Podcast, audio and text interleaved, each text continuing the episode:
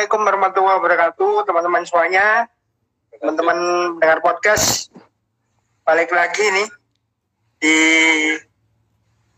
edisi spesial ya, karena kemarin skuad Baju Lejo menang, dan hari ini juga beberapa jam yang lalu sudah kita ketahui hasil undian fase kualifikasi Piala Asia 2023 di Tiongkok. Saya Nomo, balik lagi kali ini barengan sama Surya Mardika. Ya, Apa kabar Mas? alhamdulillah sehat mas. Kemarin minggu kemarin sih agak kayak enak badan. Jenengan gimana, Mas Numo? Alhamdulillah, Alhamdulillah sehat. Luar biasa. Di tengah situasi hujan ya, kita berdua berharap semuanya pada sehat nih. Di sana hujan mas? Ya di di sini rintik-rintik ya, Hmm, gerimis. beredik. Gerimis. Iya. Di sana gimana? Alhamdulillah masih terang ini. Belum belum hujan. Alhamdulillah, alhamdulillah. Hmm. Oke, Oke, pertama ke kemarin dulu. ya. Evaluasi dari dari sampean dulu setelah itu saya. Monggo silakan. Ya, lebih jatim yo. Aku nyebutnya Mas Numo juga pasti menyebutnya derby jatim gitu. Supaya Arema Yes. kemarin di babak pertama yo apa yang seperti yang kita lihat semuanya toh kedua tim bermain hati Hmm. kemudian tidak maksimal di beberapa di lini depan utamanya persebaya itu entah aku nggak tahu ya harus bilang apa ke Valpot itu kalau Mas Nomo mungkin sudah darah tinggi itu kan bilang oh, ampun ampunan Mas. Kalau tak nilai itu min seribu Mas. Kontrolnya itu min seribu. Kemudian Waduh. dari segi kemarin ada satu momen sebenarnya.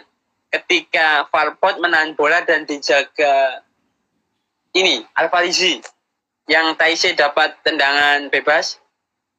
Menurut menurut Yap. itu sa- satu-satunya momen Valpot bisa menguasai bola. Artinya dia bisa menahan bola bisa akan penetrasi kan? Nah untungnya Alvarizi itu jaga. Akhirnya dua-duanya jatuh itu. Tapi lepas itu lepas dari itu Valpot memang agaknya susah mas untuk membuktikan bahwa dirinya itu sebagai striker entah aku aku nggak bilang coach salah ataupun siapa yang salah ya tapi kemarin itu menurut aku pribadi itu bagian dari strategi mas. Karena gini misalnya ya misalnya Cak Samsul Arif itu dimainkan sejak menit pertama ya kan? Ketika Hmm. Persebaya ini deadlock atau mengalami kebuntuan karena Cak Samsul entah tidak perform ataupun apa tidak perform dan juga mengalami kelelahan misalnya di babak kedua dan penggantinya Farpot.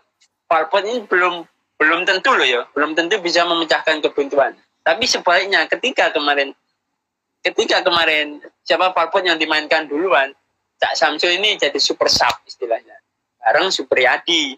Itu coach Aji itu sangat tak akui kemarin jeli banget melihat situasi permainan. M. Hidayat yang dapat kartu kuning kan. Kemarin dapat kartu kuning akhirnya ditarik keluar juga Adi Setiawan yang kemarin dieksploitasi sama sisi kirinya Arema itu. Yang namanya Rian itu. Untungnya kemarin memang Aremanya di lini depannya pun memang kelihatan banget nggak ada Fortes. Kelihatan banget. Rafli juga nggak maksimal tendangannya masih banyak yang melambung lah kurang tepat sasaran. Bahkan Taise kemarin sebenarnya underperform. Kelihatan ketika dia ambil keputusan dari segi speednya nggak seperti biasanya lah. Itu mas. Tapi memang Taise di beberapa pertandingan kan mengalami sedikit gangguan di lututnya itu. Ya. Tapi Betul. alhamdulillahnya dia masih bisa menunjukkan ketika dia digeser dari sayap ke tengah itu masih bisa menunjukkan ya intinya kemarin persebaya bermain bagus lebih fokus sampai menit akhir. Arema pun tidak terlalu pragmatis sebenarnya. Memang murni karena satu satu momen Cak Samsul bisa memanfaatkan sebuah peluang dan itu murni skillnya Cak Samsul Arif. Itu mas. Disyukuri. Kemenangan yang disyukuri karena ini juga memangkas poin dengan yang di atas ya. Betul. dan menjadikan persaingan empat besar makin baik makin mepet di sini karena sisa tujuh. untuk seri kelima eh, seri ke seri keempat itu sisa satu pertandingan setelahnya bergeser ke seri kelima di pekan 29 maaf tak potong mas. Terkait seri ini ya. Sebenarnya sudah seri ini enggak aku pribadi yang melihatnya sama saja mas. Sampai akhirnya kan nanti pertandingan terakhir itu digelar di Bali gitu loh mas. Lantas apa yang iya dari kelima ke keempat kelima lima ke enam ini apa yang membedakan? Gitu dah sih pertanyaanku. Kalau bilang seri kelima ya apa pembatas pertandingannya? Kemudian jedanya itu enggak kelihatan tra- transisi waktunya itu dari seri keempat ke lima enggak enggak kelihatan gitu. Menurutku enggak sudah enggak dikatakan seri sih. Meskipun dalam tanda kutip tetap ya. dari lima ke enam gitu sih mas Saya kan pernah bilang ke sampean ya bahwa sebenarnya ketika menggunakan kata seri untuk untuk format kompetisi ini hmm? itu kan maunya meniru meniru apa yang disajikan di dunia voli, Hmm. basket. Mereka menggunakan sistem seri pindah dari satu tempat ke tempat lain dikatakan sebagai seri satu, seri dua, seri tiga, empat dan seterusnya. Sampai yang sering nonton voli atau teman-teman yang sudah sering nonton Pro Liga ya, Pro Liga dan juga IPL pasti sudah tahu bagaimana konsep pengaturan kompetisinya.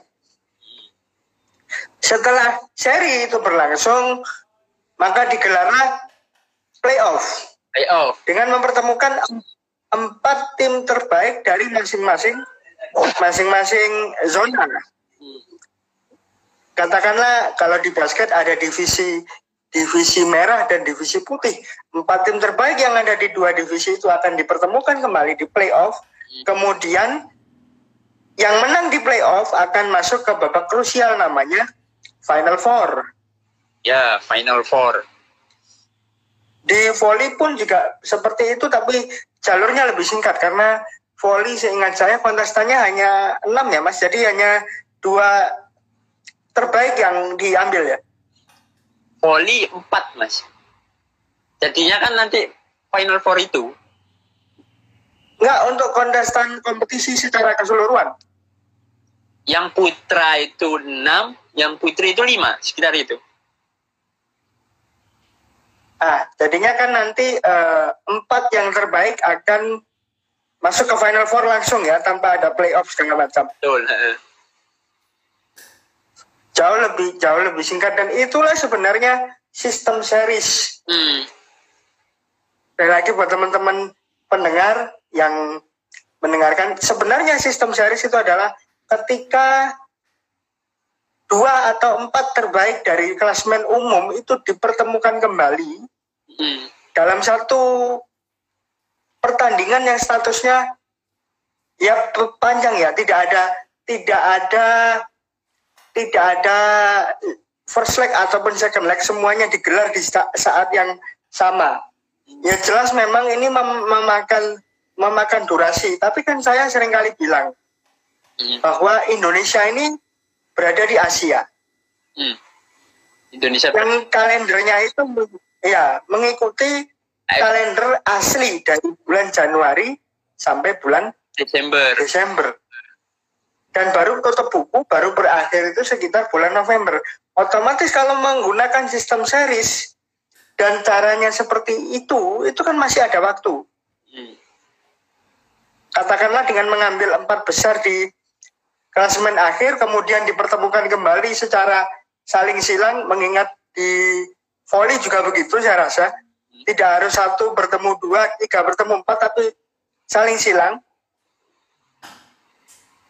Itu itu namanya sistem series. Atau kalau teman-teman masih bingung caranya, lihat aja MLS. Major League Soccer. Ya. Ya, lihat aja MLS. MLS itu kan awalnya dua divisi yang terbaik dipertemukan di playoff. Ini sebenarnya semi series ya, karena tidak berpindah ke lain tempat. Formatnya masih home and away, tapi dibagi dalam format dua wilayah seperti Liga Indonesia edisi berapa ya? 2014. 14. Ketika Persib juara ingat. Hmm. Format dua wilayah itu ya Mas terakhir kali. Ya. Ketika Persib juara itu. Ya, monggo dilanjut. Seperti itu. Seperti itulah yang namanya series, tapi ini semi series. Sedangkan yang diterapkan di Liga Indonesia sekarang, karena ada pandemi, inilah yang benar-benar series secara lokasi ya. Secara lokasi, pindah-pindah, hmm. ada satu tempat yang jadi venue, tapi secara format kompetisi, format kompetisi, format klasemen, itu tidak mencerminkan sistem series. Itu, teman-teman. Tapi kan memang begini, Mas mungkin dari operatornya sendiri ya lebih ke sistemnya kan memang full kompetisi gitu loh ya hanya mungkin salahnya di penamaannya aja sih dari ya. Toh dari awal Mas Domo juga bertanya seperti apa sih sistem seriesnya di Liga satu sepak bola ini? Jadi kan harus pasti gitu mas. Seri satu misal di Jawa Barat seri dua di Jogja series tiga di Jawa Timur kan ketiga itu sebenarnya. Terus nanti kembali lagi. Harusnya. Eh, tapi ya entah alasan apa pun aku nggak begitu paham. Mereka beralasan Bali sebagai tempat yang pas untuk meningkatkan perekonomian di sektor pariwisata ketika itu terus ada hmm. kasus COVID Omikron itu masih jadi per, perbincangan, masih jadi perdebatan apakah dipindah dan tetap mereka memutuskan di Bali. Ini kan maksudnya bukannya aku menolak gitu ya mas, tapi harusnya ada perbedaan lah. Setiap seriesnya entah itu perbedaan lokasi atau perbedaan waktu, jedanya itu ada gitu loh mas. Ya itu seharusnya begitu. Hmm. Tapi ya kita kan nggak tahu apa tujuan utamanya hmm. the main purpose itu itu main purpose-nya itu apa gitu loh hmm. dengan menggelar ini di Bali sedangkan alasannya menurut saya nggak masuk akal karena tanpa ada liga satu pun tanpa ada liga Indonesia pun Bali kan memang sudah populer angkanya iya apalagi Bali sedikit tertolong dengan hadirnya Mandalika. Ketolong. Ya. Dalam arti apa? Orang-orang nanti selain ke Bali, dia akan ke sana juga. Hmm. Ya, sukunya macam-macam. Ada ada MotoGP, ada uh, eh, GT Series.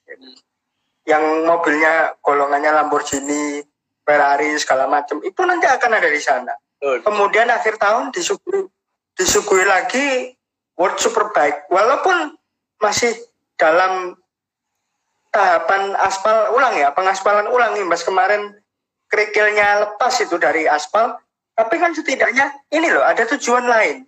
Jadi kalaupun Liga 1 digelar di situ ya nggak pengaruh untuk meningkatkan pariwisata.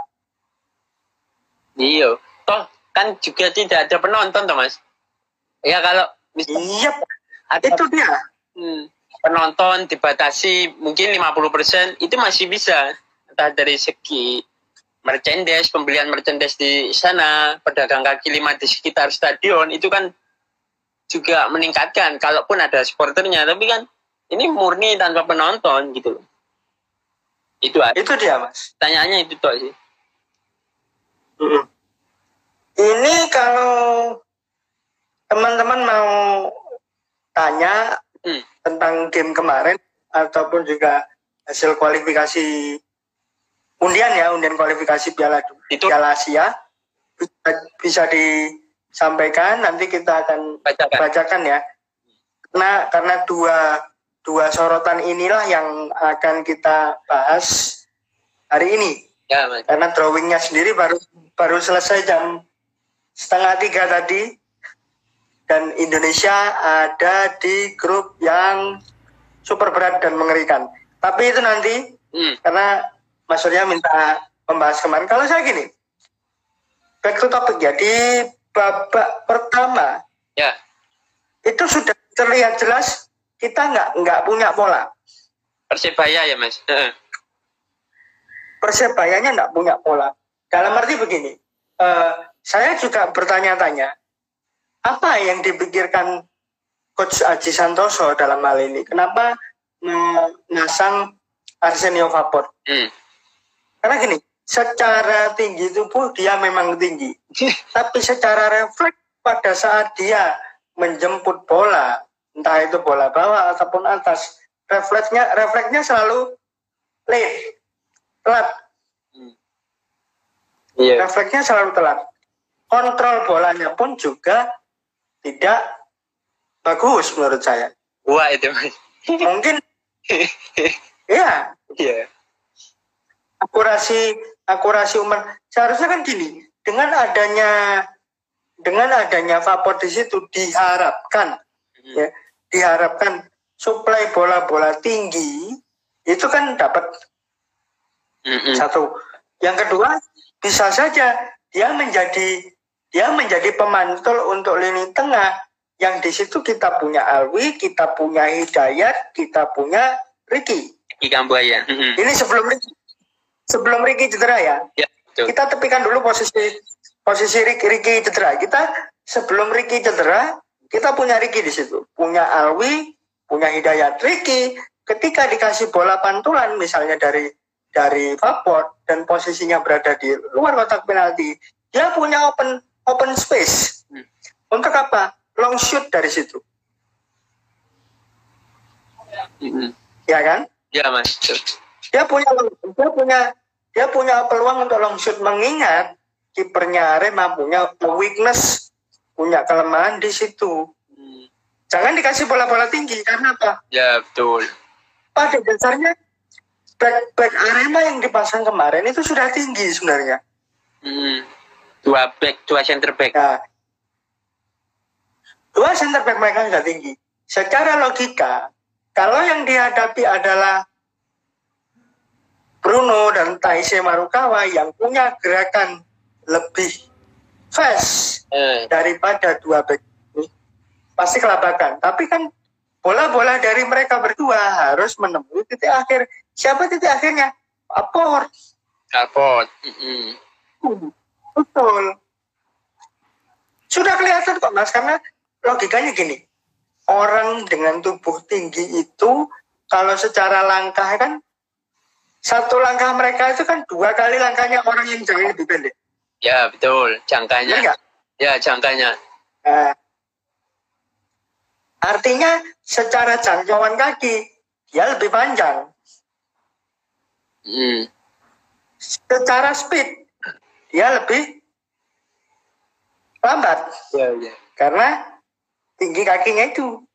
Nah ketika dimasukkan pemain seperti Bruno Taise bagus untuk memecah memecah mereka. Tapi bola-bola dari dua orang ini harus menemui titik akhir. Nah titik akhirnya di mana? Vapor Vapor bisa bergerak. Bisa tapi terlalu lambat juga. Agresivitasnya tidak ada. Jadi seakan di babak pertama tidak ada greget tidak ada ini tidak ada greget tidak ada pola yang di yang di tawarkan untuk babak pertama. Baru ketika di babak kedua, Samsul Arif masuk menggantikan Aport si 92 mulai kelihatan. Kenapa? Karena si Samsul Arif pun juga punya daya jelajah. Ya kan? Dia berani masuk. Artinya apa? Gerakan dari Samsul Arif sedikit mengecoh back-back tengah bola-bolanya dari Marukawa sama Bruno jauh lebih enak. Hmm. Dan kelihatan kok mas. Apalagi iya dan udah mulai terlihat dominasinya dominasinya kelihatan di babak kedua ketika Supri sama uh, Taksul masuk gitu. Ini kita sapa-sapa dulu mas sebelum lanjutin dapat numan pendek dari bonek Sragen hmm. Mas Jeki salam satu nyali wani wani wani wani sebelumnya ini ada yang di atas ya ya mas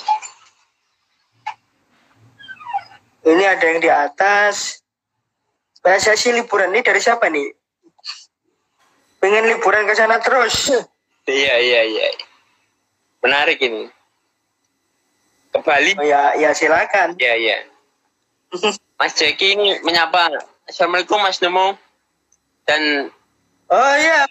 Nama saya Waalaikumsalam. Waalaikumsalam warahmatullahi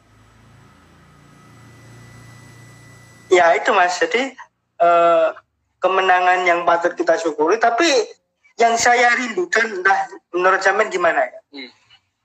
Saya kehilangan, saya kehilangan rasa rasa terbakar dalam tanda kutip dari coach Adi yang selalu memberikan motivasi sebelum game atau pada saat jeda dan babak saya kehilangan itu.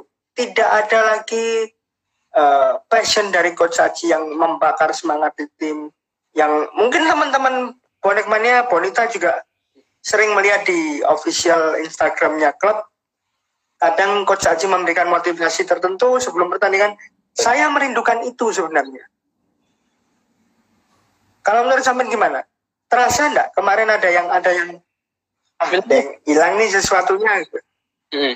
Sebenarnya gini mas, mungkin Coach Haji akan selalu melakukan itu, tapi kan tidak setiap momen diambil loh mas. Ada beberapa hal yang nggak nggak perlu dibuka di publik juga, takutnya apa akan menjadi bumerang juga ke tim, ya kan? Dari sisi strategi mungkin. Hmm.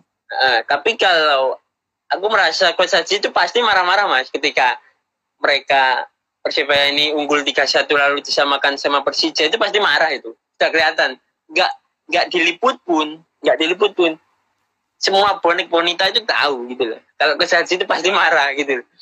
Nah, tinggal bagaimana kembali menguatkan mental pemainnya. Apalagi setelah terkena COVID, Coach Haji juga selepas sembuh mungkin mungkin feel-nya itu masih beradaptasi lah. Layaknya orang-orang yang habis sembuh mungkin proses recovery mas. Dari segi apa ya dari segi melatih kemudian menyampaikan pesan ke pemainnya itu masih belum maksimal. Dan juga sebenarnya titik baliknya ya kemarin ketika menghadapi Persiraja sebelum melawan Arema itu. Mereka bisa menemukan momen untuk bisa mengembalikan mental gitu loh mas. Mengembalikan mental setelah imbang dua kali bahkan kalah ketika lawan Persipura itu. Sehingga Haji sebenarnya maksimal. Ya mungkin beberapa pemain seperti Falpot ini masih susah gitu mas menunjukkan kemampuannya gitu.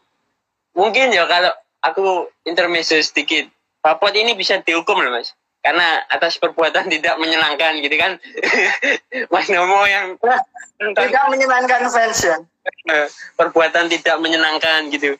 Tapi ya gimana lagi? Ini mungkin ya bagian dari strategi itu tadi yang tak katakan di awal tadi.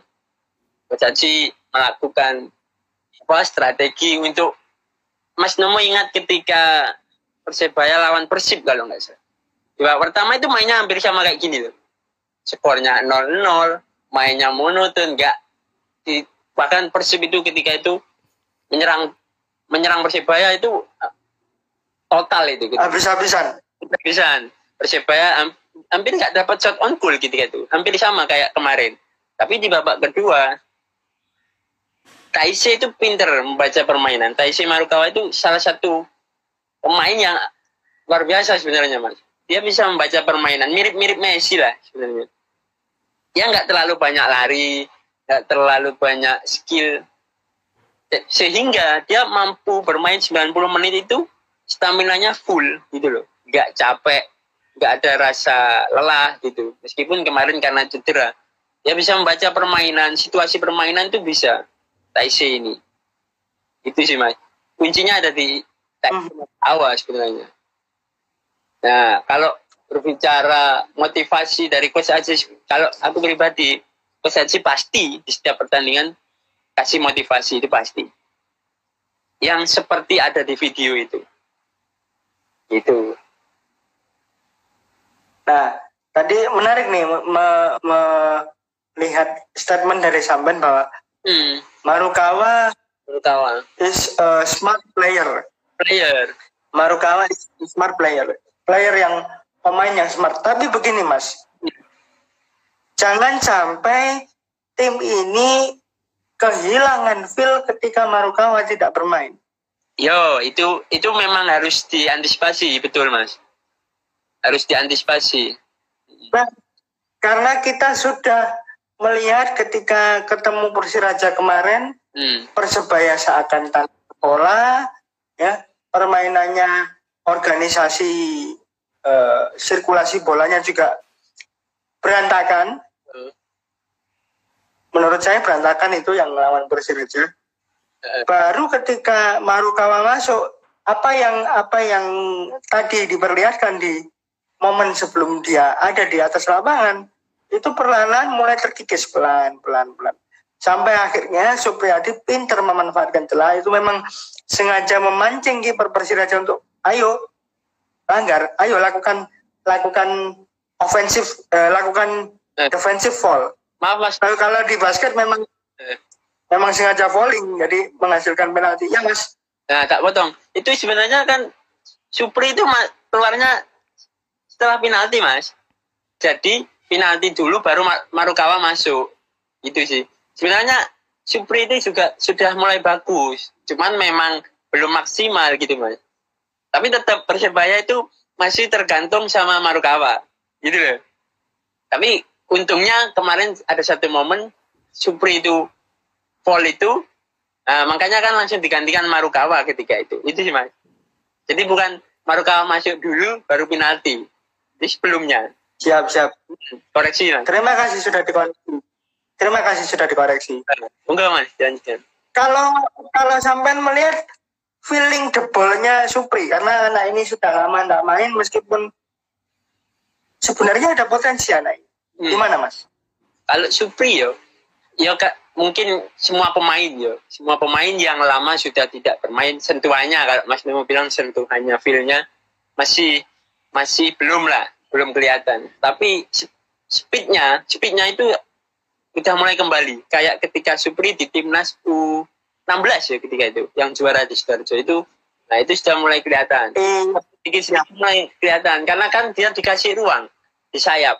Jadi nggak numpuk sama Taisi. Itu loh yang dibutuhkan. Nah, mungkin terlepas dari kemarin tendangannya Supri kan masih bisa ditepis, ya itu tinggal dipoles lah. Harusnya lebih dikuatin tendangannya atau crossingnya.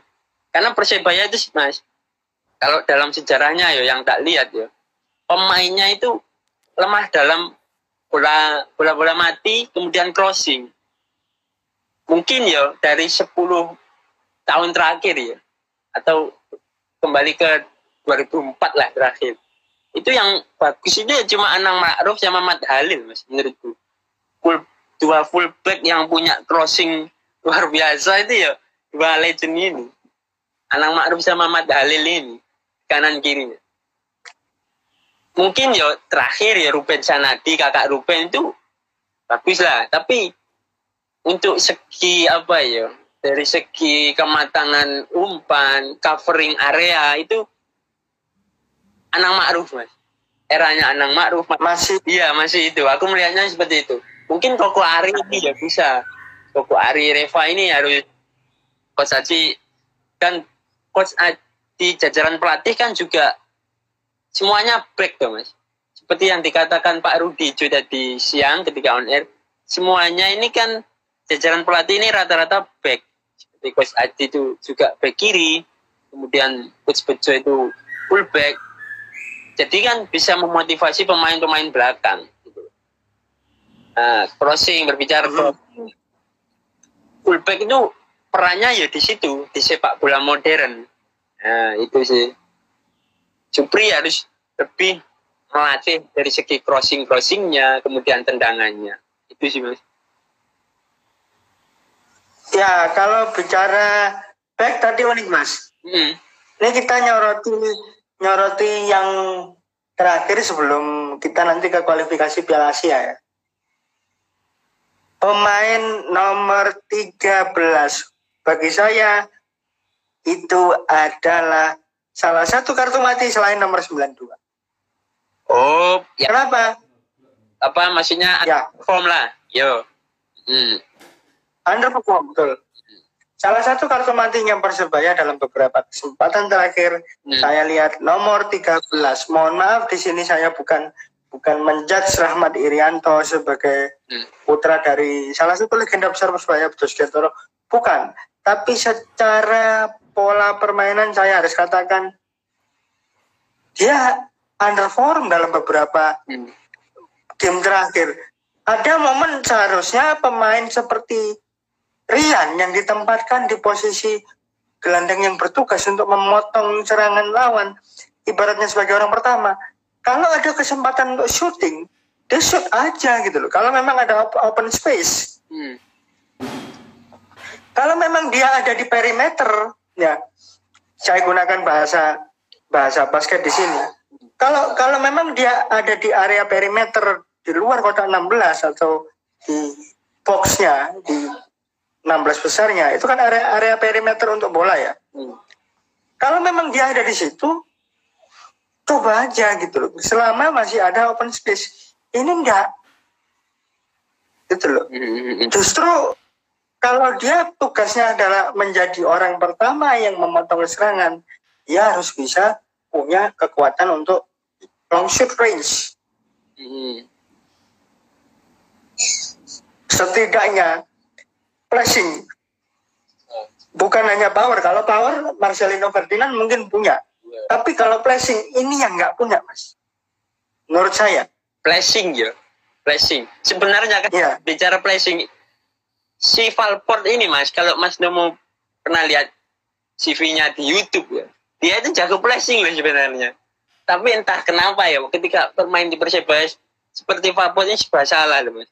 Di kiri, di sayap itu nggak kelihatan di tengah itu juga dipres terus sehingga dia nggak dapat ruang. Seperti sebuah salah ini Valpet ini. Susah memang. Dia harus harus menemukan apa ya kemampuannya sendiri. Kalau dari coach Haji mungkin nggak nggak akan bisa gitu loh mas. Dimarahi sekeras apa pun susah gitu loh. Harusnya pemain itu yang memunculkan potensinya sendiri gitu. Itu Nah, terlepas ini mas, nambahin sedikit ya terkait Rahmat Irianto. Kemarin untungnya Rahmat Irianto ini bagus. Kalau aku lihat kemarin loh, kemarin memang yang paling kelihatan itu ketika lawan Persija banyak sekali salah passing. Kemudian ketika di counter attack dia terlambat, ya karena salah passingnya itu dia nggak nggak covering area gitu Memang Persebaya ini mhm. bingung mas kadang Ocensi juga bingung. Kadang menumpuk tiga pemain yang berkarakter defense midfielder.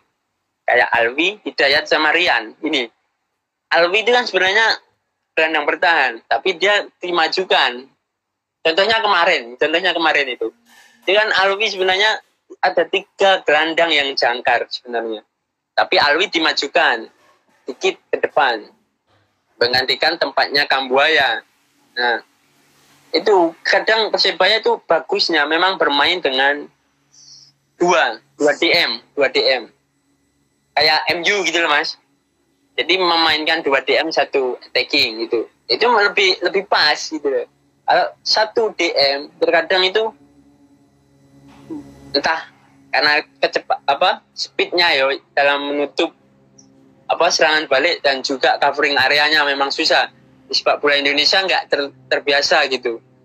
Tapi memang di sepak bola modern memang apa ya layaknya harus menggunakan dua DM untuk covering area itu tadi. Nah, berbicara Rahmat Irianto, kok kenapa banyak yang bilang di timnas dia bagus, di timnas dia mendapatkan kepercayaan dari coach Sintayong, sedangkan di Persebaya seperti menurun performanya. Mungkin apa yang menjadi filosofi Coach Aji dengan Coach Sintayong ini agaknya berbeda mungkin. Dan juga faktor apa ya? Rekan tim. Rekan tim ini juga berpengaruh Mas. Terkadang faktor usia di di timnas kan rekannya sama Dewangga itu yang secara usia lebih muda. Sedangkan di Persebaya dia tandemnya sama Hidayat. Itu beberapa faktor yang mempengaruhi Rian itu lebih mendelay mas. Kalau di Persebaya dia itu mainnya mendelay banget loh. Passing ke kanan ke kiri, passing ke kanan ke kiri. Ya bagus, asalkan passingnya passingnya bagus, aman, ya bagus untuk bangun serangan. Tapi terkadang itu salah passing, kemudian apa pemain bawa bola dribble itu nggak dipres pemain lawan bawa bola itu nggak dipres itu sih beberapa kelemahan-kelemahan yang harus diperbaiki untuk kemarin alhamdulillahnya persebaya bisa fokus loh. Untungnya loh. Bisa fokus sampai akhir. Itu sih. Ya kesimpulannya gini lah ya. Kalau memang membicarakan tentang karakter yang berbeda antara Coach Aji dengan Sintayong jam bermain mereka maksudnya ketika Rian di Persebaya ini jarang mendapat tempat jika dibandingkan dengan Hidayat sama Alwi hmm. ini lebih sering artinya porsi permainan pun juga berpengaruh menurut saya hmm. porsi permainan dia di Persebaya sedangkan sebagian besar waktu Rian itu dihabiskan di tim nasional. Benar begitu ya mas? Hmm, porsi waktu bermain ya. Ini kalau ada yang nyapa-nyapa dulu silakan ini. Monggo, monggo. Mas Nomo bacakan. Ada pertanyaan ini kayak ada tanggapan dari Mas Jekin. Oh iya, ada. Monggo. Iya, iya, iya, ada tanggapan ini. Hmm. Yang lain main cepat, main cerdas Palpor bingung karena PDW. uh, iya, ya, tadi yang sudah kita berdua singgung ya. Uh, uh, harusnya kan nggak pasal perbuatan tidak menyenangkan fans ini mas. ya tadi seperti yang sudah kita berdua singgung bahwa sebenarnya dengan tinggi, tingginya Valpor seperti itu setidaknya Valpor bisa jadi tembok pemantul Uh, kalau kita bandingkan dengan yang di luar, Mas Jaki, Mas Surya, pemain seperti Lewi itu jarang banyak bergerak sebenarnya. Iya. Tapi ketika dia mampu memantulkan bola ke arah Thomas Muller, ke, ke arah Leroy Sané, ke arah Coman, Kingsley Coman ya, mm -hmm. itu dia dia langsung open shot, dia langsung open shot. Jadi jangan jadikan Lewandowski ini hanya sebagai target man tapi ketika dia merasa terkunci lock out dia akan berikan bolanya ke belakang dan langsung long shoot DC skema-skema seperti ini yang tidak dimiliki oleh Persebaya menyerang tapi dengan cara yang taktis sebenarnya tapi memang karakter Persebaya kan dari dulu tidak menggunakan striker nomor 9 mas. Sudah kelihatan dari iya. nah, itu kan dari dulu. ngaruh membuat striker yang berada di situ. Seperti kesusahan kayak Baldi, Wilson itu akhirnya kayak gitu semua mas. Beda kalau David iya tapi mau turun jemput bola dan ditambah speednya juga speed dan apa agility-nya keseimbangannya itu De Silva itu lebih keren lah katakanlah gitu. Nah memang Pak. Body body balance-nya jauh lebih bagus. keseimbangan tubuhnya itu dapat ya. Nah Valpon ini posturnya tinggi ya posturnya tinggi tapi kontrolnya main seribu lah apa apa terus kemudian body balance-nya masih gampang jatuh itu mas gampang jatuh hmm, nah, kan yang passing bingung yang kasih umpan ya nanti ada omongan gini yang ketika Marcelino tendangan apa lawan Persiraja itu kan dibilang kok nggak ngumpan ke Fapot seperti seperti nggak mau ngumpan ke Fapot loh. Wong Fapot ini harus bisa menempatkan posisinya dulu, baru rekannya bisa kasih umpan enak gitu loh. Betul. Karena enggak karena sebuah eh, eh. karena seorang finisher itu karena seorang finisher itu tidak hanya bertugas untuk menyelesaikan sebuah peluang, oh. tapi pintar menempatkan posisi untuk menciptakan peluang baru sehingga dia bisa menyelesaikan itu. Betul itu mas. Benzema itu sudah kelihatan. Dia nggak banyak cetak gol. Yang ngegolin kan ya Ronaldo. Real ketika itu. Vinicius pakai kalau sekarang. Kalau sekarang Vinicius. Itu kan salah satu contoh gitu di luar sana. Mas mau berikan contoh Lewandowski tadi. Tapi kan kembali lagi ini strikernya siapa gitu loh itu hmm. cocok dengan gaya main persebaya mas betul hmm. memang gaya permainan persebaya sejak zamannya uh, era perserikatan bahkan sampai ke Liga Indonesia. Memang mainnya Spartan tadi kita butuh pemain finisher ya. Ya mohon maaf kalau saya harus flashback lagi ke era 2004 karena itu masa-masa terbaik. Christian Carrasco mas. Finishernya cantik ya dia bisa menempatkan posisi bahkan nggak butuh ruang yang lebar ruang yang sempit pun dia bisa memanfaatkan celahnya. Kalau menurut sampai Christian Carrasco uh-uh. belum belum ada yang seperti di persebaya belum ada. Hmm. belum. Bahkan selevel ini yang si kurus coach Kurniawan itu. Kurniawan? Uh, Kurniawan Dwilianto itu belum sih. Untuk striker lokal ya. Bahkan asing pun di Persibaya saat ini ya. Ini sebenarnya kan mengandalkan Johan Yoga itu mas. Johan Yoga itu diplot untuk seperti fungsinya striker nomor 9 banget kalau Cak Samsul ini beda. Kalau menurutku Cak Samsul ini tipikal-tipikal striker yang mau jemput bola gitu loh. Dengan kelincahannya dengan sprintnya yang cepat gitu. Striker yang mau jemput bola. Nah beli Johan Yoga itu tugasnya memang digunakan untuk bola-bola atas dan finisher.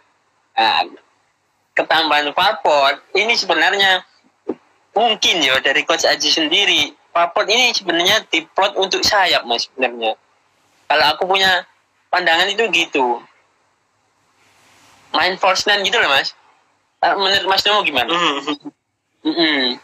Uh, kalau false nine, mm berarti dia harus punya endo, endurance sama tadi yang namanya bilang agility mm. body balance body balance body balance-nya bagus model-model mainnya City gitu loh mas main City lah uh -uh. body body balance-nya harus bagus gitu loh nah sekarang kita lihat balik body balance-nya ya tipe meneh tipe meneh nah, kan sudah jadinya Hmm. Ini ada yang di atas nih apa nih? Uh, kayak Gonzales. Hmm, betul, betul. Gak bisa lari, pintar cari posisi, benar, benar. Finishingnya juga uh, sempurna. Kalau menurut saya finishingnya juga sempurna. Dia dibekali dengan feeling, feeling. long shoot range yang bagus. Sama feeling, feeling golnya bagus. Ya. Golnya bagus, Gonzales. Nah, ibaratnya kalau main basket mas, dia nggak banyak lari banyak bola, tapi ketika lihat ada kesempatan three point, dia langsung tembak. LeBron James. Dia pintar cari itu.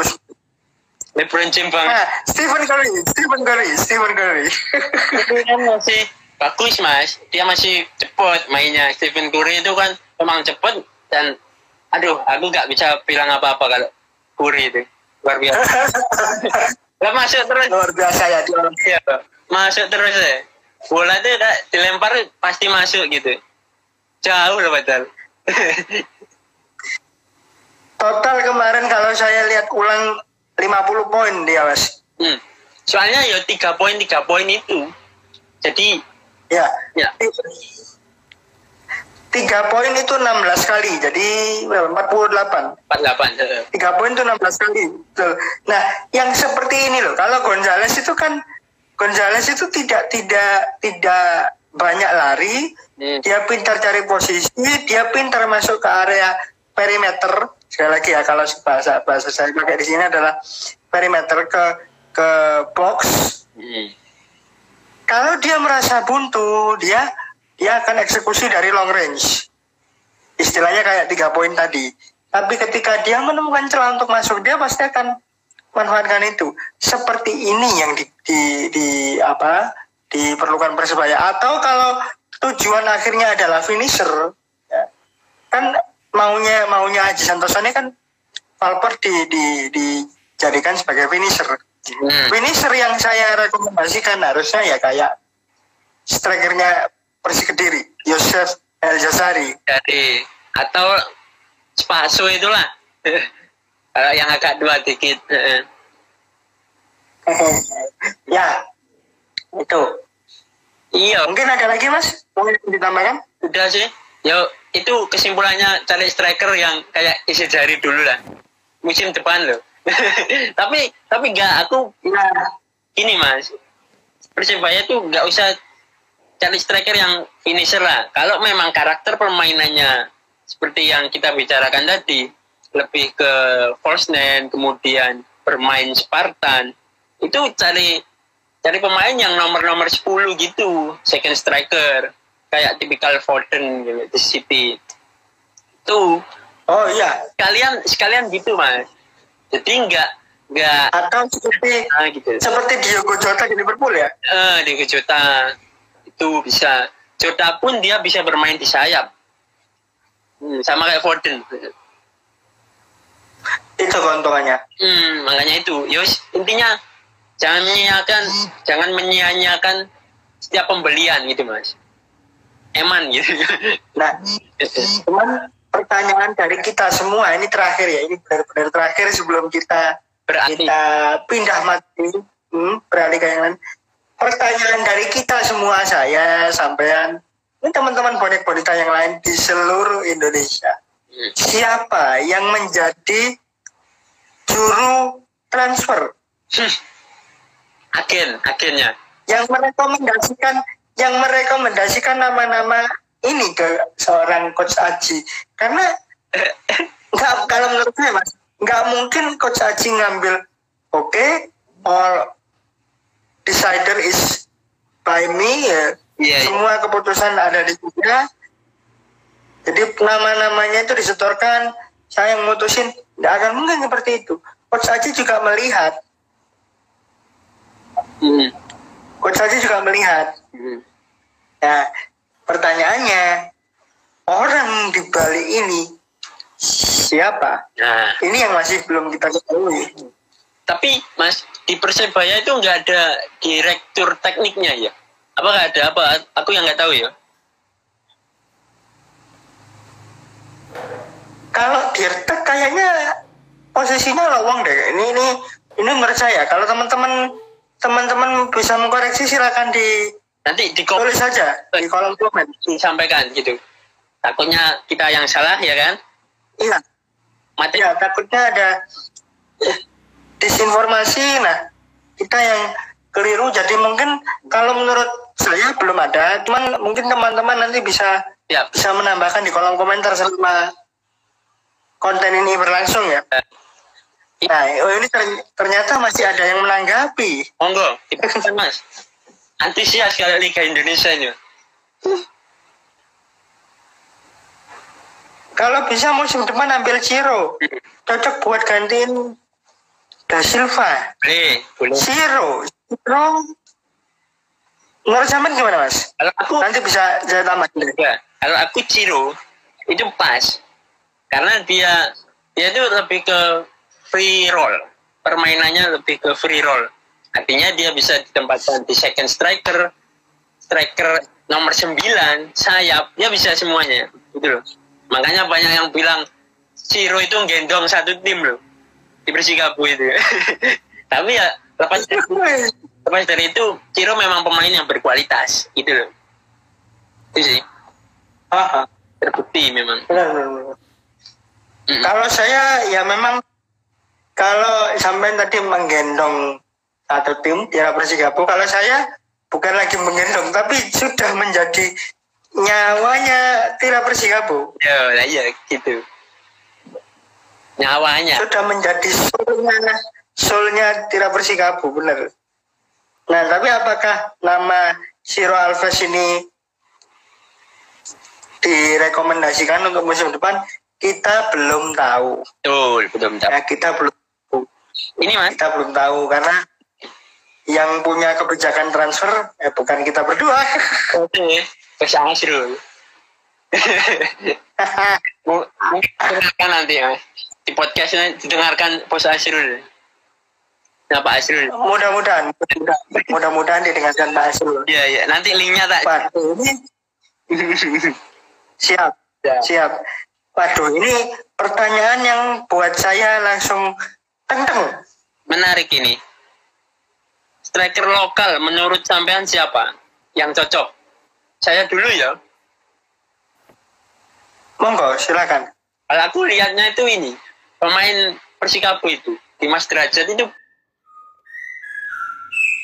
segi striker loh yo posisi striker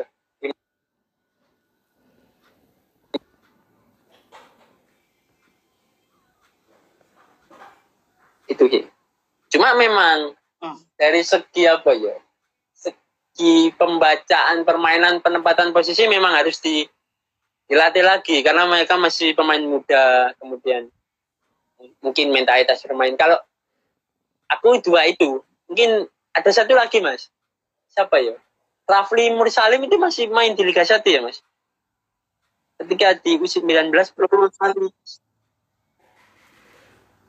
M Rafli ya? Iya, bukan M Rafli Arema. Rafli Nur Salim. Oh bukan. Oh Raflinya Raflinya Liga, Liga Santri bukan? Iya. Bekasnya Liga Santri bukan? Liga Santri. Entah lupa aku klub mana itu sekarang. Itu itu bagus itu. Ketika bersama 19 kalau nggak salah itu kelihatan punya finishing lah setidaknya punya kekuatan hmm. jaga bola gitu tapi kembali lagi striker lokal di Indonesia ini kan masih belum di apa ya eksploitasi kemampuannya gitu loh. Bahkan coach Sintayong sendiri masih meraba-raba ini siapa striker yang cocok ini. Jadi kemudian Kustori Yudo Anis Sagara pun belum kelihatan gitu loh. Serawalian yang naturalisasi juga belum maksimal gitu. Indonesia timnas Indonesia masih mengandalkan Rosnen itu loh itu sih mas. Dua tadi sama Rafli Mursalim kalau aku. Kalau saya lebih ke arah strikernya bersih kediri ya? Hmm. bersih kediri. Yang Bagaskara tadi. Sekarang. cuman memang ya pos positioning dan pemain seperti Bagaskara ini kan juga uh, punya speed ya. Punya speed tapi masih belum bisa under control gitu. Kalau tadi pertanyaannya ke mana Rafli Mur Rafli Mursalim pemain kelahiran 5 Maret 99 umur 22 tahunan ini ada di Persija. Oh ya, Persija ya berarti. Ada di Persija Jakarta. Ya itu. Ada di Persija. Semoga dia tetap ke Mitra Kukar. Mitra. Saya ingatku Kalimantan kok. Entah PS eh pernah PSM juga kalau nggak salah loh. Lupa. Uh, kalau di Sulawesi dia ke Sulut United mas. Oh iya. Sempat dipinjamkan ke sana. Kedua berarti. Kalau Ziko gimana mas? Sultan Ziko. Ya. Sultan Ziko itu bagus ketika aku ingat kualifikasi Piala Asia bahkan. Piala Asia yang di Malaysia eranya bagus bagus itu keren mainnya. Dia bisa menjadi pemantul bisa bisa menjadi pivot gitu artinya menahan bola. Itu bagus. Cuma memang kita kalah kualitas dengan Australia ketika itu. Tapi overall ya mainnya bagus. Sultan Ziko itu gitu. Tinggal dipoles lagi. Memang semuanya itu butuh proses mas. Pemain muda kembali lagi bagus pun yang bermain di Utrecht itu. Butuh jam terbang butuh kematangan mental kembali harus di di asah gitu. Itu menjadi pemain yang berkualitas. Itu sih sebenarnya intinya. Siap. Oke. Jadi sebenarnya banyak pilihan tapi kurang polesan dan kepercayaan. Itulah intinya ya. Uh, kurang polesan. Betul jarang kelihatan gitu kurang poles dikasih kesempatan mas yep. hmm. ah oke okay. cukup untuk bahasan yang di Liga 1 intinya seperti itu ya evaluasi besar-besaran untuk lini depan di Persebaya karena kompetisinya juga juga masih jalan nih. Yuk. Dan evaluasi itu nanti akan di akhir musim. Cari striker. Langsung ke